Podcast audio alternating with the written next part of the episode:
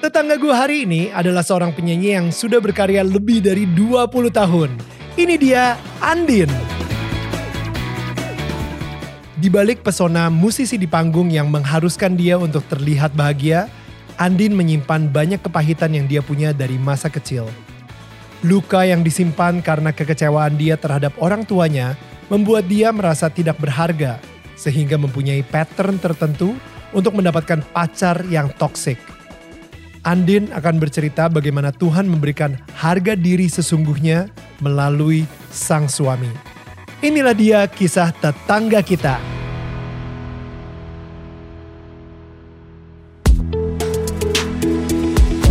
Ini gua Daniel, tetangga kamu. Di sini gua akan ngobrol dengan tetangga gua tentang perjalanan hidup mereka dari kacamata spiritual di saat mereka mengalami situasi tidak pasti dan kekhawatiran sampai bisa kembali bangkit menjadi orang yang lebih kuat dari sebelumnya. It's gonna be very exclusive and inspiring. So langsung aja ini dia Andin, what's up? Andin ini tetangga gue yang udah diundang sejak kita ke Turki bareng ya. Tapi dia menolak untuk datang ke rumah kita yang lebih dekat ya. Jadi dia maunya ke rumah yang jauh lebih jauh gitu kan. Nil sesungguhnya ya waktu kayak di Turki gitu gue kayaknya nggak deg-degan nih ngobrol sama lo. Tapi hari ini gue kayak tangan gue dingin lo pegang tangan gue deh. Oh goodness, dingin banget. Nggak Iya. tahu berarti kayak Wow. mungkin gue nggak tahu ya kayak ada suatu kekuatan apa yang menghantarkan gue sampai di sini. Yes. Hame hame.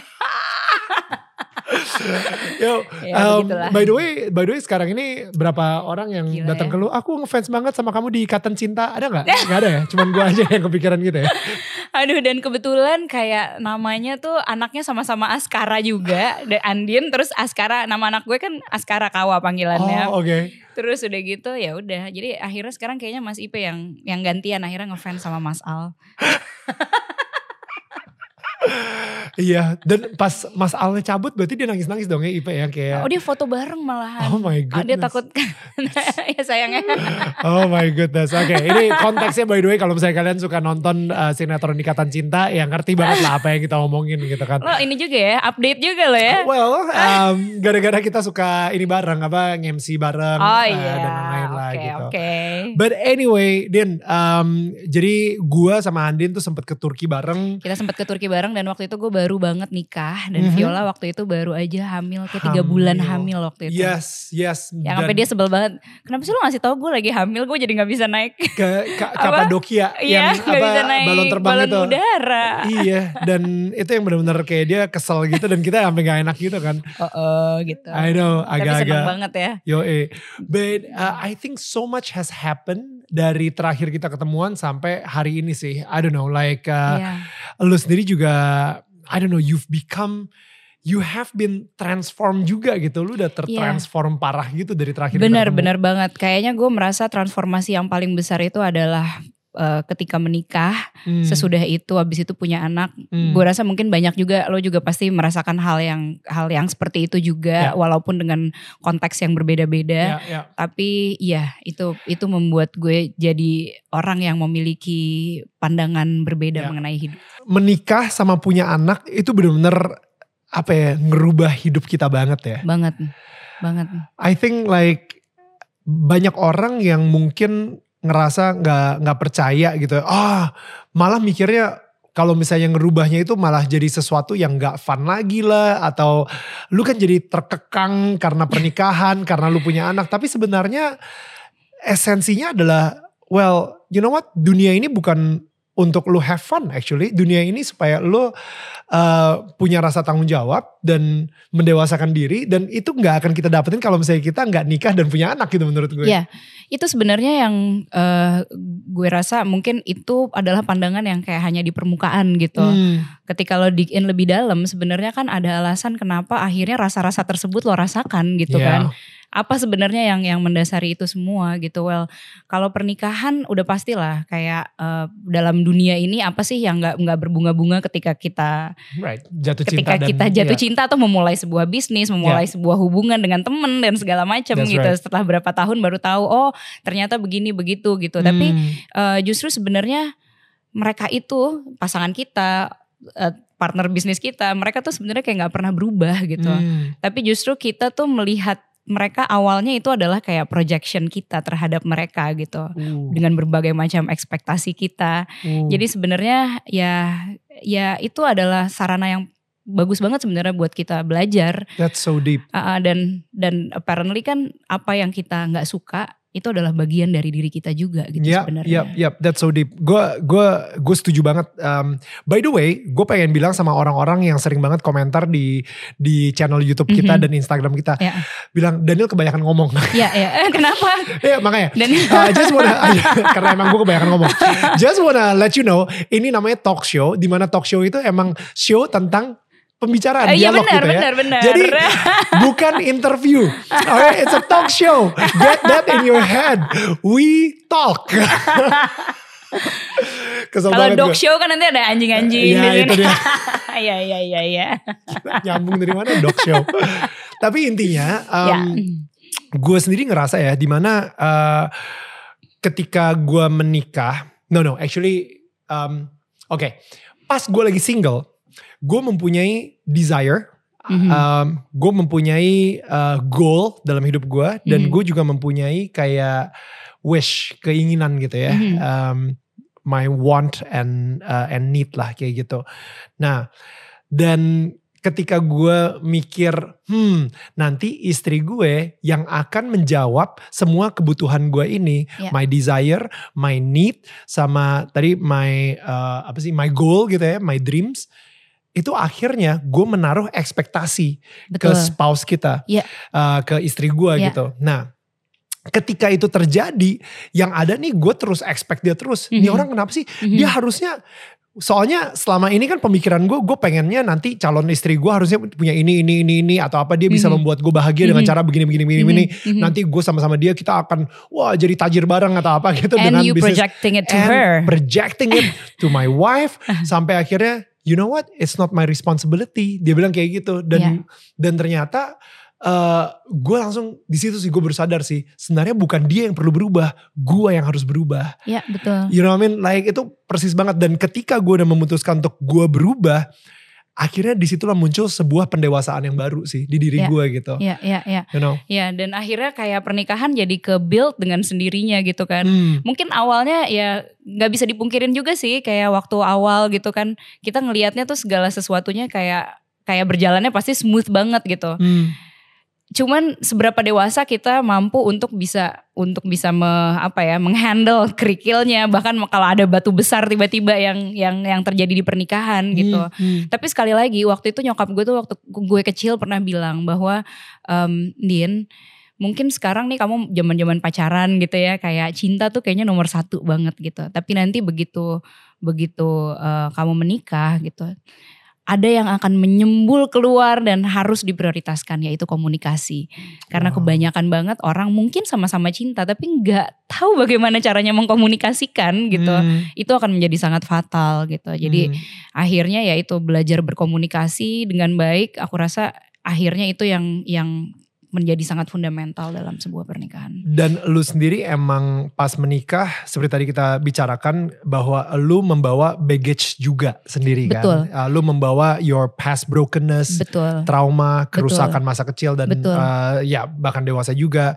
Dan lu membawa ke situ dan IP sendiri juga nggak sesempurna itu juga gitu kan. betul dan Nah. sebenarnya ya actually dari sebelum pernikahan Nil Hmm. maksudnya bukan ketika pernikahan gitu Hmm. karena uh, gue waktu umur uh, menikah dengan Mas Ipe dua-duanya itu udah sama-sama mature gue 29 tahun Mas Ipe waktu itu sudah 38 tahun Hmm. gitu. Jadi eh, maksudnya kita sama-sama udah udah banyak makan asam garam Right. di mana ya gue juga sebelum pernikahan itu gue banyak sekali relationships yang menurut gue tuh kayak gue kayak mau cerita aja tuh kayaknya udah udah udah menghela nafas gitu ya. Ya. Kayaknya eh da- putus dari yang ini ke sini, dari ini Hmm. ke sini, dari ini ke sini gitu. Ya mungkin eh, beda-beda kelihatannya dari luar, cuman sebenarnya patternnya sama. Ya Hmm. sama-sama bisa dibilang mungkin toxic relationships, tapi Hmm. mungkin buat gue mungkin juga kurang tepat gitu ya karena kesannya jadi hanya lelakinya yang yang bertanggung jawab Ya. tapi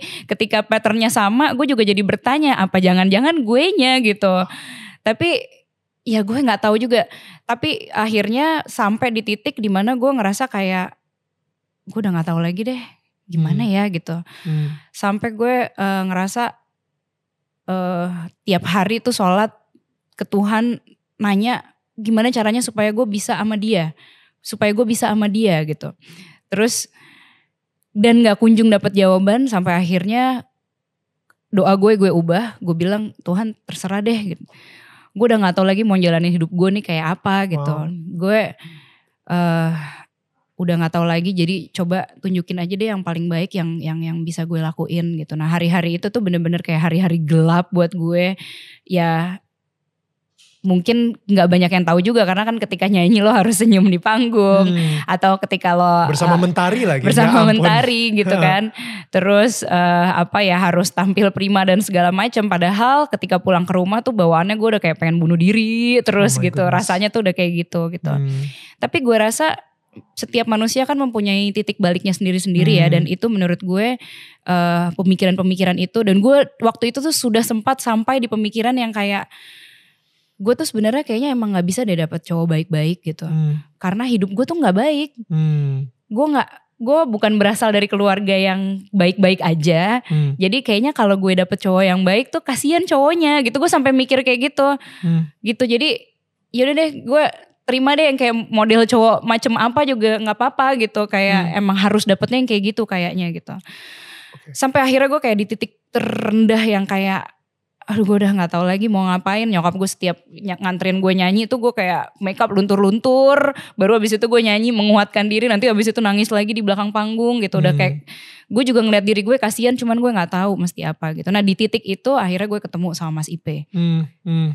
awalnya bukan buat pacaran juga sebenarnya gitu. Maksudnya Buat apa? Eh, gue emang udah kenal tuh lama sama Mas Ipe. Maksudnya gue kenal dari umur 17 tahun Ngapain sebenarnya. om-om seperti dia deket-deketin anak umur 17? Di di usia 17 tahun waktu itu. di usia 17 tahun waktu itu gue tuh sempet eh, ini jadi gue flashback lagi ya. Hmm. Sempet nge- ngerayain ulang tahun. Mhm.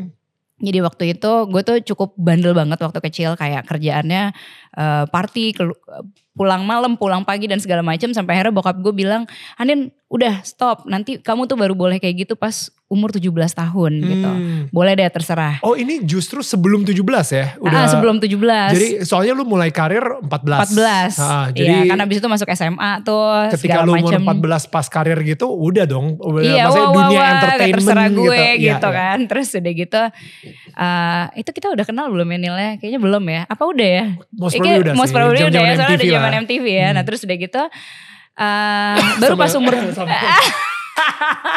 oke, Zaman lupakan. oh my god, gue baru ingat. Keselak. Iya, iya, iya. iya. Oke, jadi pas umur 17 tahun itu akhirnya gue yang oke, sekarang gue ulang tahun gue bisa bikin party nih gitu. Terus nyari-nyari nih IO yang bisa bikin Hmm. such party di Jakarta gitu. Terus oh ya temen gue akhirnya ngenalin ke Mas Ipe. Hmm. Di situ pertama kali gue kenal. Cuman along the way gue tuh kayak udah udah udah pacaran sama banyak orang, Hmm. terus eh, kayak kenal banyak orang juga. Ya Mas Ipe selalu ya kadang-kadang ketemu kalau lagi event karena dia fotografer juga, Ya, kadang-kadang ketemu kalau lagi di mana di mana temen-temen gitu segala macam. Cuman nggak pernah kepikir dia tuh akan jadi cowok gue gitu. Hmm, hmm. Nah itu itu pun yang terjadi pada saat gue lagi jatuh-jatuhnya itu gitu yang Hmm. kayak hah gitu. Ya. Bahkan kalau teman-teman gue bilang udah lendian gitu cari siapa gitu, gue bilang gue nggak tahu. Hati gue tuh kayak nggak terbuka buat siapa-siapa. Dan bahkan gue nggak tahu ada nggak sih kayak Ya. sisa orang gitu di Jakarta yang kayak orang gue kenal orangnya tapi sebenarnya eh, dia juga kenal sama teman-teman gue tapi dia orangnya baik terus ini kayaknya nggak Wow. ada gitu. Wow. gue ngerasanya gitu pada saat itu. Tapi ternyata ya ter- yang namanya hubungan nggak ada yang tahu ya kayak udah takdir akhirnya em, pacaran nggak itu juga kalau lo ketemu sama orang yang tepat kayaknya waktu tiga tahun tuh kayak bener-bener nggak kerasa. Ternyata gue pacarannya tiga tahun akhirnya gue nikah. Tapi sebelum nikah juga sempat ada cerita yang yang cukup lucu gitu. Banyak orang yang nanya kalau misalnya nikah itu lo tahu dari mana sih bahwa dia tuh akan akan menjadi orang yang lo nik- nikahi Ya. Gitu itu gue nggak tahu karena dari dulu dulu setiap gue pacaran bawaannya tuh kayak oke kita akan nikah kita akan nikah Oh, gitu wow. cuman dengan Mas Ipe tuh kayak sebenarnya nggak ada pemikiran itu sama sekali gitu Hmm. cuman jalannya kayak eh iya kita udah pasti akan ke sesuatu yang lebih serius nih Hmm. gitu Nah, ketika kita ngomongin soal pernikahan waktu itu, sebenarnya gue dan keluarga gue tidak dalam kondisi finansial yang cukup baik. Mas Ipe pun begitu gitu. Hmm. Jadi kita cukup kebingungan waktu mau lagi menyelenggarakan our dream wedding gitu Oh, kan. wow. Terus akhirnya eh, kita juga punya banyak sekali blessing ya karena kita dianugerahi banyak sekali teman-teman yang akhirnya kayak mau bantuin kita. Ya. Udah Dian kita IO-nya jadi IO-nya tuh temen-temen semuanya. Wow. Terus kita kita memang udah kepengen banget bikin kayak sebuah pernikahan di hutan waktu itu. Hmm. Terus eh ya seperti yang kita bayangkan gitu yang private intimate dengan biaya segini. Hmm. Kita nggak ada uang segitu. Oh my goodness. Terus Ya, udah gitu, gila sampai segitunya. iya. Ini ini Andin yang udah berkarir dari umur 14 tahun gitu. Gue waktu Wow. itu oke ada, Ya, tapi Mas IP-nya waktu itu lagi nggak ada. oke oke. Tapi akhirnya karena tapi kita eh, bener-bener gini ya, karena kita udah udah hidup udah udah terpisah dari orang tua. Jadi Hmm. kita ingin eh, apa namanya membuat ini juga atas keinginan kita. Jadi nggak ada embel-embel Ya. orang tua tuh yang, yang undangannya orang Right. tua ini segala macam tuh nggak ada gitu. wow. Jadi oke. ini emang pernikahan kita gitu, penyatuannya kita, unity-nya kita. Hmm. Dan eh ajaibnya waktu itu kita berdoa, berdoa gitu ya. Kita terus pegangan tangan terus. Ajaibnya karena kita split kan 50-50. Hmm. Tiba-tiba aja. Kayak sebulan sebelum pernikahan Mas Ipe tiba-tiba dapat nggak tahu tuh dari dari dari Tuhan tuh ada aja gitu jalannya. Rezeki gitu. Jadi ha. model iklan. Mas Ipe yang jadi model iklan. gue kayak, hah itu tawarannya buat kamu? Iya gitu. Terus udah gitu jadi apalah segala macam gitu banyak banget gitu yang kayak What? terus tiba-tiba berkatnya ada terus gitu kayak ngalir dan itu sebesar kayak harga pernikahannya gitu Oh my goodness. gitu jadi gue gue yang tadinya orangnya tuh sama sekali kayak nggak nggak nggak percaya gitu yang namanya ah rezeki nikah gitu Ya, ya. atau rezeki anak gitu Ya, ya, ya. eh ternyata bener-bener ada gitu Ya, ya. emang ketika kita mau apa eh, melaksanakan sebuah ibadah yang bener-bener untuk eh, kebaikan yang lebih ternyata itu bener-bener bisa dilancarkan gitu Gue percaya sih karena ya Tuhan itu nge-provide banget dan emang waktunya dia itu paling tepat banget gitu dan itu itu aneh Nil aneh Sampai banget itu aneh amount-amountnya juga tepat tuh gila Iya, epic sih. itu kan maksudnya kayak apa ya ketika kita ngomongin Tuhan gitu kan Hmm. itu kan kayaknya sesuatu yang kayak nggak bisa kelihatan Hmm. nah kalau amount amount itu kan sesuatu yang fisik gitu kan kelihatan Iya. tapi itu termanifestasi dengan Iya. sangat precise gitu Ya, ya.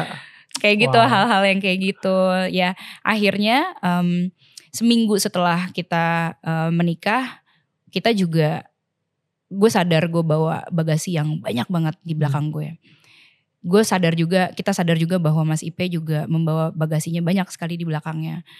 Nah kalau di gue nih kebetulan kan di apa agama gue tuh nggak ada tuh yang kayak kursus-kursus pernikahan segala macam. Akhirnya kita nyari sendiri gitu. Hmm. kita mencoba eh, untuk untuk tahu karena kan nggak ada yang ngajarin kita nanti pernikahan di usia kesekian akan begini ini akan begini nanti kalau ini gimana kayak gitu-gitu ya Hmm. dan akhirnya kita mencoba mencari tahu sendiri gitu tentang bagaimana sih apa yang akan kita hadapi ke depannya kira-kira seperti apa dan dan kayaknya eh, seperti apa kita harus berpegangan tangan gitu Jadi gimana cara lu cari tentang Nah pada saat itu sebenarnya satu hal yang paling esensial yang yang yang gue dapet da- eh, dengan Mas Ipe berdua adalah bagaimana kayak sepasang suami istri tuh harus selalu menyelaraskan doa hmm, gitu. Kita sadar betul bahwa ternyata selama ini kita berdoa sendiri-sendiri, sholatnya sendiri-sendiri, doanya sendiri-sendiri. Dia doa apa, ya gue doa apa gitu. ya, Gimana caranya Tuhan mau mengabulkan gitu kan? Hmm. Gimana caranya Tuhan mau apa?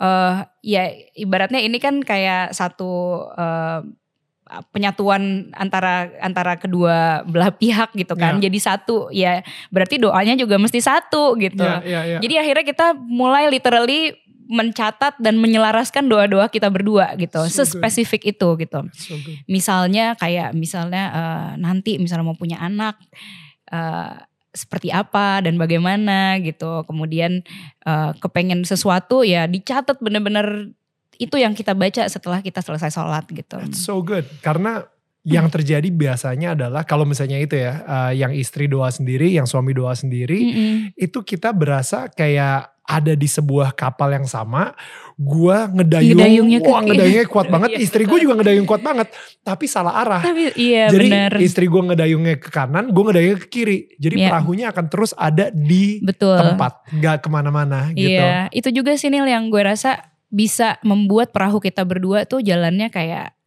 seirama gitu. Betul. Aku jadi menangis. ya gitulah kira-kira. Dan Hmm. um, let's go back to your uh, ini ya childhood gitu, di mana Mhm, lu tadi bilang bahwa lu bawa banyak banget baggage. mhm. Um, gue sempat dengar juga sih di beberapa podcast lainnya juga di mana lu bilang hal yang sama di mana lu itu mempunyai sebuah pattern yang sama untuk mencari pacar saat itu Mhm. pacar yang abusive pacar Mhm. yang uh, toxic relationship dan lain-lain Mhm, mhm, um, gue akan sih ngomongin bagaimana how to break that pattern obviously mhm. tapi sebelum ke situ apa sih trauma di masa kecil lu itu yang membuat lu memilih laki-laki yang toksik terus Oke. Jadi sebenarnya kata-kata memilih itu juga kurang tepat. Oke. Sebenarnya adalah gue menarik You- mereka you yang attract, toxic. you attract Iya, gue attract secara tidak sengaja. Oke. Karena kan em, sebenarnya perilaku abusive atau toxic itu mungkin akan baru kelihatan setelah kurang lebih sebulan setelah Hmm. pacaran baru deh kelihatan gitu kan. Hmm. Waktu awal kan semuanya pasti manis. Tapi attract itu juga eh, gue rasa ya pasti ada ada akarnya ya. Gue juga baru tahu nih beberapa tahun belakangan. Pastinya pada saat itu gue sama sekali nggak tahu karena kan gue sibuk menyalahkan semua yang di luar gitu. Padahal semua yang terjadi dengan kita yang di luar itu hanyalah cerminan dari dalam diri kita gitu. Hmm. Jadi kita nggak kita kita harus mempertanyakan kenapa gue attract mereka semua gitu. Apa yang terjadi dengan diri gue di dalam siapa di dalam diri gue nih yang mengattract itu semua gitu. Em, Sebenarnya ini kalau gue cerita dari gue masa kecil ya, gue lahir itu banyak yang ngira gue dari kecil tuh kayak udah asik-asik aja gitu. Tapi sebenarnya gue tuh lahir dari dari orang tua yang dua-duanya tuh adalah eh, perantau gitu yang nyokap gue dari Jawa Tengah, bokap gue dari Jawa Timur, eh, dua-duanya kuliah di UI, kemudian pacaran dan akhirnya eh, lahirlah anak pertama gue Hmm. yang pada saat itu rumahnya tuh kayak masih eh, apa ngekos gitu ya di atas sebuah warung di Ja- di Jakarta Selatan wow. gitu. Itu gue kalau lihat dari foto-fotonya gue lihat wah lantainya vinil gitu. Jadi yang kayak apa di atasnya kayu dikasih dikasih apa kayak kayak karpet vinil iya, itu iya, yang kayak iya. meja di warteg itu Iya, atau iya, kayak iya. kayak gitu tuh Ya, ya, gitu. ya. yang mengkilat gitu Iya lah yang ya. mengkilat itu gitu. Terus eh, tapi keluarga kita bahagia sekali kalau gue lihat dari video-videonya dan cerita dari nyokap bokap gue gitu. Nah em, waktu itu eh, gue juga diceritain nyokap gue baru pertama kali punya punya apa kayak bed frame gitu tuh waktu gue lahir. Oh, wow. Tadinya mereka kayak tidurnya ya udah di bawah Tikar gitu. Hmm. Wow. Nah terus eh karir nyokap bokap gue tuh cukup baik sampai akhirnya terus naik naik naik naik naik terus gitu ya. Sampai akhirnya eh, bokap gue juga gue rasa memiliki tanggung jawab yang eh, apa besar sekali ke keluarganya kayak ingin ingin keluarganya tuh tidak merasakan hidup seperti hidupnya gitu Hmm. yang yang apa lone lone ranger gitu dari Hmm. dulu Eh, sehingga kayak banyak waktunya dihabiskan untuk bekerja gitu sehingga dari gue eh, kecil sampai gue SD gue selalu ngelihat bokap gue tuh ya kerja gitu Hmm.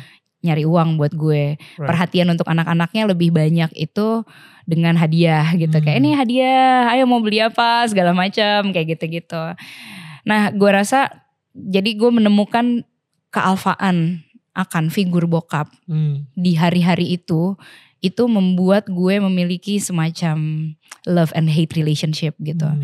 Di satu sisi gue melihat eh, figur bokap gue inginkan, tapi yang tidak gue inginkan ada di dalam bokap gue juga gitu. Hmm. Gitu sehingga itu gue kayak eh, ada gaya tarik menarik di situ, sehingga eh, muncullah kayak eh, apa namanya kayak gaya tarik menarik juga dengan lelaki-lelaki yang yang ibaratnya ada di dalam toxic relationships tersebut gitu. Hmm. Nah, sepanjang perjalanan uh, bokap nyokap gue itu juga gue ngelihat uh, ya ini sebenarnya dialamin hampir semua keluarga gitu bahwa kayak di permukaan tuh seolah semuanya tuh baik-baik saja gitu.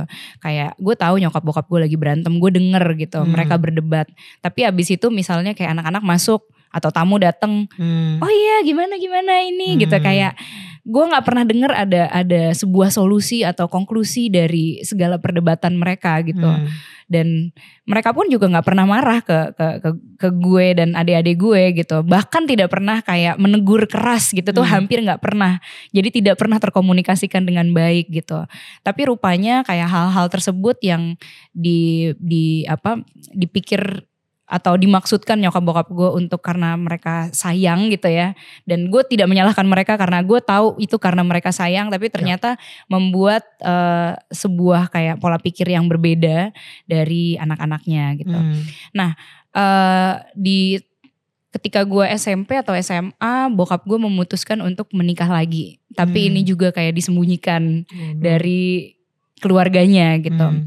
hari-hari itu Nil ini gue baru pertama kali ngomongin di Boleh. depan publik karena gue selama ini merasa kayak ini bukan hal yang pantas buat diceritakan tapi since eh, saat ini keluarga gue eh, semuanya tuh udah hidup berdampingan Hmm. dalam arti kayak istrinya bokap gue, bokap gue, nyokap gue dan segala semuanya tuh kayak udah hidup berdampingan dan dan berdamai dengan semuanya. Jadi gue rasa ini sesuatu yang normal untuk gue ceritakan. Eh, tapi pada saat itu, pada saat SMA gue sama sekali nggak bisa nerima. Adik gue nggak bisa nerima. Adik gue yang paling kecil nggak bisa nerima. Kita merasa hidup kita sangat berantakan. Kita nggak tahu ada ada gunung es sebesar apa di bawah yang akhirnya bisa eh, membuat ini semua tuh jadi jadi terjadi gitu Hmm. kita nggak pernah tahu masalahnya sebesar apa karena kan di dicitrakan semuanya baik-baik aja di permukaan gitu kita nggak pernah tahu masalahnya sebesar apa gitu sehingga ya itu eh, ya sadar nggak sadar akhirnya hidup kita pun jadi berantakan gitu. Ya. gue dengan masalah relationships gue gitu ya di mana itu juga nyokap bokap gue mau ikut campur gitu ya kalau ngelihat misalnya gue pulang ke rumah bonyok gitu mukanya ada satu satu masa di mana kayak gue mata gue tuh bener-bener nggak bisa melek nil kayak kayak lo petinju kena tinju gimana sih Gara-gara ini ditinju sama pacar lu saat itu gitu mantan Mm-mm. pacar lu. Mm-mm. tapi nyokap gue nggak bisa ngomong apa-apa gitu kayak Why? eh mungkin ada rasa salah juga ke gue gitu kayak gue nggak pernah ngajarin lo ya atau bingung gitu bingung karena di keluarga gue nih nggak pernah terjadi kekerasan seperti itu nggak pernah. Keluarga gue tuh yang keluarga yang penyayang banget keluarga yang merangkul banget gitu. Tapi sebagai tapi gue tapi gue bilang Hmm. eh, ke- gue sangat menutupi itu gitu. Seolah-olah semuanya baik-baik aja. Gue bilang gue jatuh. Gue nggak bilang gue dipukulin. Gue Hmm. bilang gue jatuh. Hmm. ada satu masa gue di wah dicakar di di baret-baret gue bilang itu perbuatan gue sendiri. Gitu karena gue nggak mau orang-orang tahu Ya. mungkin yang tahu kayak makeup artis gue di belakang panggung kali ya karena itu sibuk banget ini kan harus susah banget Ya. gimana caranya kalau mau nyanyi gitu Ya. ya ya ya itu semua yang akhirnya eh, apa Wait, namanya Sorry sorry, gue gue gue pengen relate lagi ya. ya bentar oke oke Karena mungkin saat ini yang lagi denger pun juga lagi mengalami hal yang sama. Ya. You know. Ya. Um, atau bahkan mempunyai anak yang lagi dalam toxic relationship yang sama Mhm, gitu. mhm. Kenapa sih lu sebagai seorang anak gak, ngom- gak mau ngomong ke nyokap lu sendiri atau ke bokap lu sendiri gitu? Karena of course sebagai bokap dia yang mungkin akan maju duluan pertama untuk kayak ngebutusin gitu atau balas dendam ke si pacar itu gitu. Iya. Oke, gue butuh tisu. Oke, terima kasih banyak. Oke. Iya. Eh, kalau gue pribadi, gue mencoba menyelami pemikiran gue pada saat itu ya. Kalau gue mikirnya, hmm, ya udah, lo berdua juga nggak pernah ceritain kok hubungan kalian tuh kayak apa gitu. Hmm. Ya, jadi eh, gue juga ngerasa ya udah ini ini urusan gue gitu. Hmm. makanya gue nggak nggak akan pernah bilang atau mention bahwa ini yang terjadi di hubungan gue itu gue nggak pernah Hmm. gitu Well, Karena bokap nyokap lu memperlihatkan rasa sayang mereka dengan cara seperti itu. Sehingga lu juga pengen memperlihatkan rasa sayang lu ke mereka dengan cara yang sama, which is very dysfunction. Iya, Hmm. iya. Em, cara memperlihatkan rasa rasa sayang dengan tidak mem- membiarkan kayak anak-anaknya tuh tahu a- apa ya kayak sakit hati yang sedang mereka alami gitulah kira-kira gitu ya. Hmm. Tapi ya gue juga akhirnya berlaku seperti itu gitu. Tapi Hmm. pada akhirnya sekarang ini gue menyadari bahwa apa yang terjadi pada saat itu adalah komunikasi yang nggak baik gitu antara antara orang tua gue juga antara gue dengan orang tua gue gitu. Tapi ya pada akhirnya eh pada saat itu gue merasa oh ya begini hidup ya namanya ya gitu. Dan ketika gue pada saat itu merasa gue sudah tahu bahwa hidup itu seperti apa, di hari ini gue bisa bilang bahwa di hari itu gue nggak tahu apa-apa gitu. What would you do differently? Misalnya, I know ini ini orang selalu mikirnya apa yang bisa lu rubah kalau misalnya lu bisa turn back time atau apa. Cuma Iya. maksudnya sekarang nih, kalau misalnya ada yang lagi dengerin, ada yang lagi nonton dan ternyata mereka lagi ada di tengah situasi seperti lu sekarang, Mhm. apa yang ya apa yang pengen lu rubah saat itu? Um, what would and what would change gitu ya? Kayak lu tahu lu lagi ada di toxic relationship sama mantan pacar lu, lu digebukin di jalan tol kalau nggak salah ya, Iya. lagi di tengah mobil yang kenceng, abis itu lu di, Salah satunya itu. dipukul, Mhm. um, dan abis itu lu malah nggak nggak ngasih tahu ke orang tua lu juga gitu. Hmm. What would you do differently kalau misalnya saat itu? Mungkin apakah misalnya lu kasih tahu ke orang tua lu, efeknya apa sih kira-kira? Kalau misalnya sampai lu kasih tahu ke orang tua lu. Mungkin bisa dilaporin ke polisi kali ya. Dan itu yang gue nggak mau juga gitu.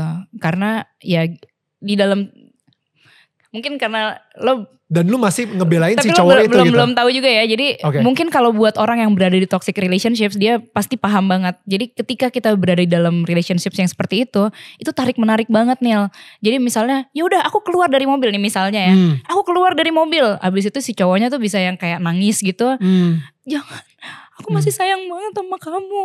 ya. Terus abis itu membuat kita tuh jadi kayak ngerasa salah. Kayak kita tuh bertanggung jawab atas hidupnya mereka. Ya. Jadi kayak oke ini berarti gue gue nggak bisa nih kayak gini. Gue harus Ya, belum lagi yang dia gitu. Gue ngancam-ngancam kalau kasihan. misalnya, oh ya lu kalau misalnya nggak telepon gue lagi, ini gue loncat dari gedung whatever gitu. Iya Maksudnya kayak gitu. bener-bener menaruh rasa bersalah, Iya. uh, guilt dan bener-bener kayak Iya. apa ya membuat bahwa hidupnya dia itu ada di tangan lo, Iya. and yet at the same time dia nge-abuse abuse lu juga gitu kan? Iya, iya, Hmm. iya betul.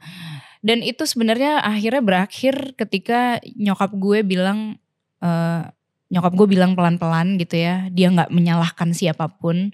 Maksudnya bahwa dia ngelihat anaknya babak belur gitu, tapi kalau gue bilang gue nggak kenapa-kenapa, oke nyokap gue nggak mau ikut campur. Pokoknya selama Andin nggak minta bantuan mama, mama nggak ikut campur gitu. Nyokap gue bilang gitu.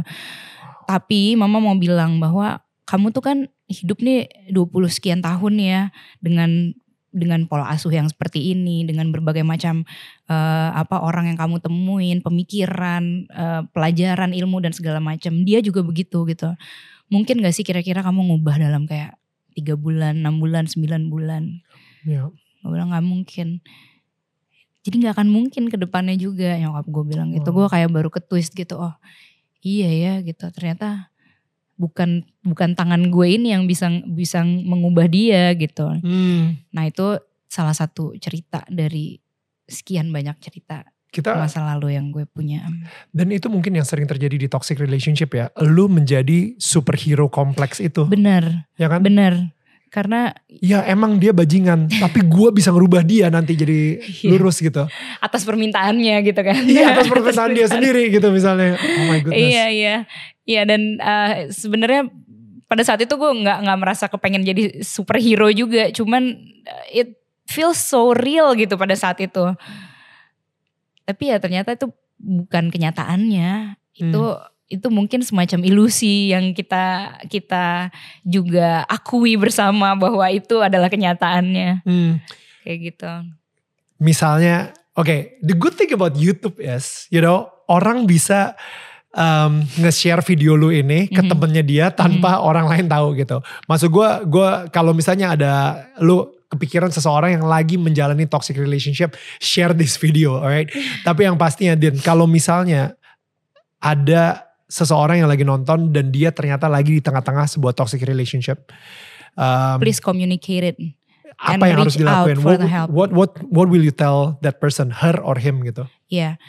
Kalau gue tuh pada saat itu salah satu kesalahan gue yang paling fatal, tapi gue bisa bilang ini kesalahan, tapi gue memaklumi juga kenapa gue kayak gitu gitu waktu itu. Adalah I I didn't know my worth, Value lo, my value. ya harga gitu, diri lo harga maksudnya. diri Ya. gue gitu. Gue nggak tahu bahwa gue tuh seberharga itu gitu. Hmm. Tapi gue juga memahami bukan memaklumi ya, memahami kenapa. Karena banyak kejadian di masa kecil yang gue merasa eh, apa kayaknya itu ngelit ke hari itu gitu. Sebenarnya kejadian-kejadian simple tapi di usia yang krusial gitu. Hmm. Kejadiannya simple-simple. Nah, pada saat itu gue merasa kayaknya gue ya memang pantas diginiin gitu. Ada ada perasaan seperti itu gitu. Sehingga gue juga jadi nggak nggak speak up, mungkin nggak berani cerita juga ke teman-teman atau nggak bahkan nggak berani cerita ke nyokap bokap gue gitu. Tapi uh, kalau saat ini ya gue merasa kan platformnya sudah banyak ya Nil. Maksudnya platform yang uh, mengajak kita untuk kembali melihat seberapa ber- berharganya sih diri kita gitu. Ya. Seber- seberapa kita tuh uh, apa tidak pantas untuk di di treat seperti itu gitu. Itu banyak banget dan platform untuk speak up itu juga banyak banget gitu. Jadi Hmm. uh, reach out for help itu udah kayak paling dan um, penting banget. lu tadi sempat bilang lu yang pertama hal yang paling lu harus tahu adalah know your worth gitu ya. Mhm. Tahu bahwa lu berharga. Mhm. Dan gue ngelihat sih cara Mas Ipe treat lu itu benar-benar ya, you Iya, betul. are like his queen gitu. Dan eh, jujur gue sendiri juga gue selalu ngelihat ya kalau misalnya ada seorang laki-laki yang treat the wife like a queen, Mhm. emang nih orang raja. Iya gak sih? Kayak nih orang raja. Udah, uh, and I'm not talking about financially, I'm talking about Mhm. like secara uh, apa ya? He is he is a king, makanya uh, he treats his woman like a queen. Iya. Um, tapi sebelum Mas Ipe, gue penasaran sih, lu bagaimana men- mendapatkan uh, rasa berharga itu? Karena ini yang gue perhatiin nih, lu tadi ngomong um, lu dapet si abuse ini 20-an something, which means lu sebenarnya udah berkarir, which means Hmm. udah ada single yang hits, Hmm. lu udah apa, lu udah terkenal, lu udah uh, udah nongkrong sama musisi-musisi, lu udah punya duit sendiri, tapi lu tetap masih ngerasa nggak berharga, right? Ya. Jadi um, akhirnya lu bisa mendapatkan rasa berharga itu dari mana, dari siapa, prosesnya seperti apa? Iya. Eh sebenarnya kalau kita ngomongin masalah apa ya kayak eh, how we value ourselves gitu, itu kan sebenarnya kayak sangat ngelit ke ke beberapa momen di ketika kita masih kecil gitu. Ya. Momen sesimpel misalnya Nil, gue waktu itu umur eh, tujuh bulan. Kata nyokap gue, eh, gue waktu itu udah udah berhenti nyusu, berhenti asi Mhm. karena adik gue, eh karena nyokap gue mengandung adik gue. Mhm. Kata nyokap gue mungkin rasa asinya mama udah berbeda kali ya, nyokap gue ngomong Hmm. gitu. Tapi sebenarnya akhirnya ketika gue menjalani segala macam proses ini gitu, gue baru sadar bahwa ternyata kayak ada rasa jealous gitu ke adik gue. Hmm. Nyokap gue udah bersama yang lain sehingga gue kayak merasa ah kayaknya mama udah nggak sayang aku lagi deh gitu ada Hmm. perasaan gitu gitu Hmm. plus nyokap gue juga waktu itu eh, apa namanya lagi sibuk-sibuknya bekerja juga karena ya itu harus meniti karir bersama bokap gue gitu kan Hmm. di hari-hari itu tuh sebenarnya itu kejadian simple biasa gitu tapi ketika memang tidak pernah ada apa ya eh, eh, ya itu kan kayak kegiatan sehari-hari cuman emang nggak pernah dikomunikasikan aja gitu. Kayak komunikasinya komunikasi ya sederhana lah anak pasti ngerti lah ini Hmm, gitu. Hmm. jadi bukan yang kayak diomongin heart to heart gitu sehingga Ya. tidak ada closure yang yang bagus gitu ya mengenai itu. Ya akhirnya terus berentet gitu sampai ke se- ke masa masa dewasa remaja dewasa di mana gue ngerasa kayaknya gue nggak berharga gitu. Nah, pada saat itu bukannya gue gaining rasa berharga juga enggak. Sebenarnya kan tadi yang gue ceritain ke lo. Sebenarnya akhirnya ketika momen di mana gue ketemu Mas Ipe itu adalah gue lagi dalam Titik momen terendah. gelap di mana rasanya tuh kayak kubangan besar tuh gue lagi kayak kombang ambing aja gitu di dalam. Terus sambil berdoa terus ke Tuhan gitu dan sambil mengubah doa gue yang kayak ya Tuhan terserah aja deh gue mau diapain mau dibawa ke mana mau diketemuin sama siapa terserah gitu. Nah di situ gue ketemu sama Mas Ipe so itu adalah momen eh, apa eh, titik balik yang sangat spiritual. Tapi kita tidak ngomongin mengenai mentally. Hmm. kalau kita ngomonginnya mental, perjalanannya masih panjang karena sesudah-sesudah itu ya masih ada aja sebenarnya rasa di mana gue nggak percaya diri, rasa apa tidak eh, layak mendapatkan tidak layak mendapatkan ya, sesuatu terbaik. Ya. kayak gitu tuh ada aja rasanya gitu. Hmm. Makanya gue bilang titik baliknya tuh adalah ketika gue eh, menikah dan akhirnya punya anak. Nih punya Hmm. anak ceritanya beda lagi kayak Hmm. ada satu hal yang yang akhirnya jadi life changing banget juga gitu. Sebelum kita ke situ Mhm. Um, tapi di situ sih ya gue gila Tuhan tuh emang luar biasa banget ya Din. ya. Iya banget. What a story. Guys, thank you for listening to this podcast. Tapi tenang, ini baru part pertama. Masih ada part selanjutnya.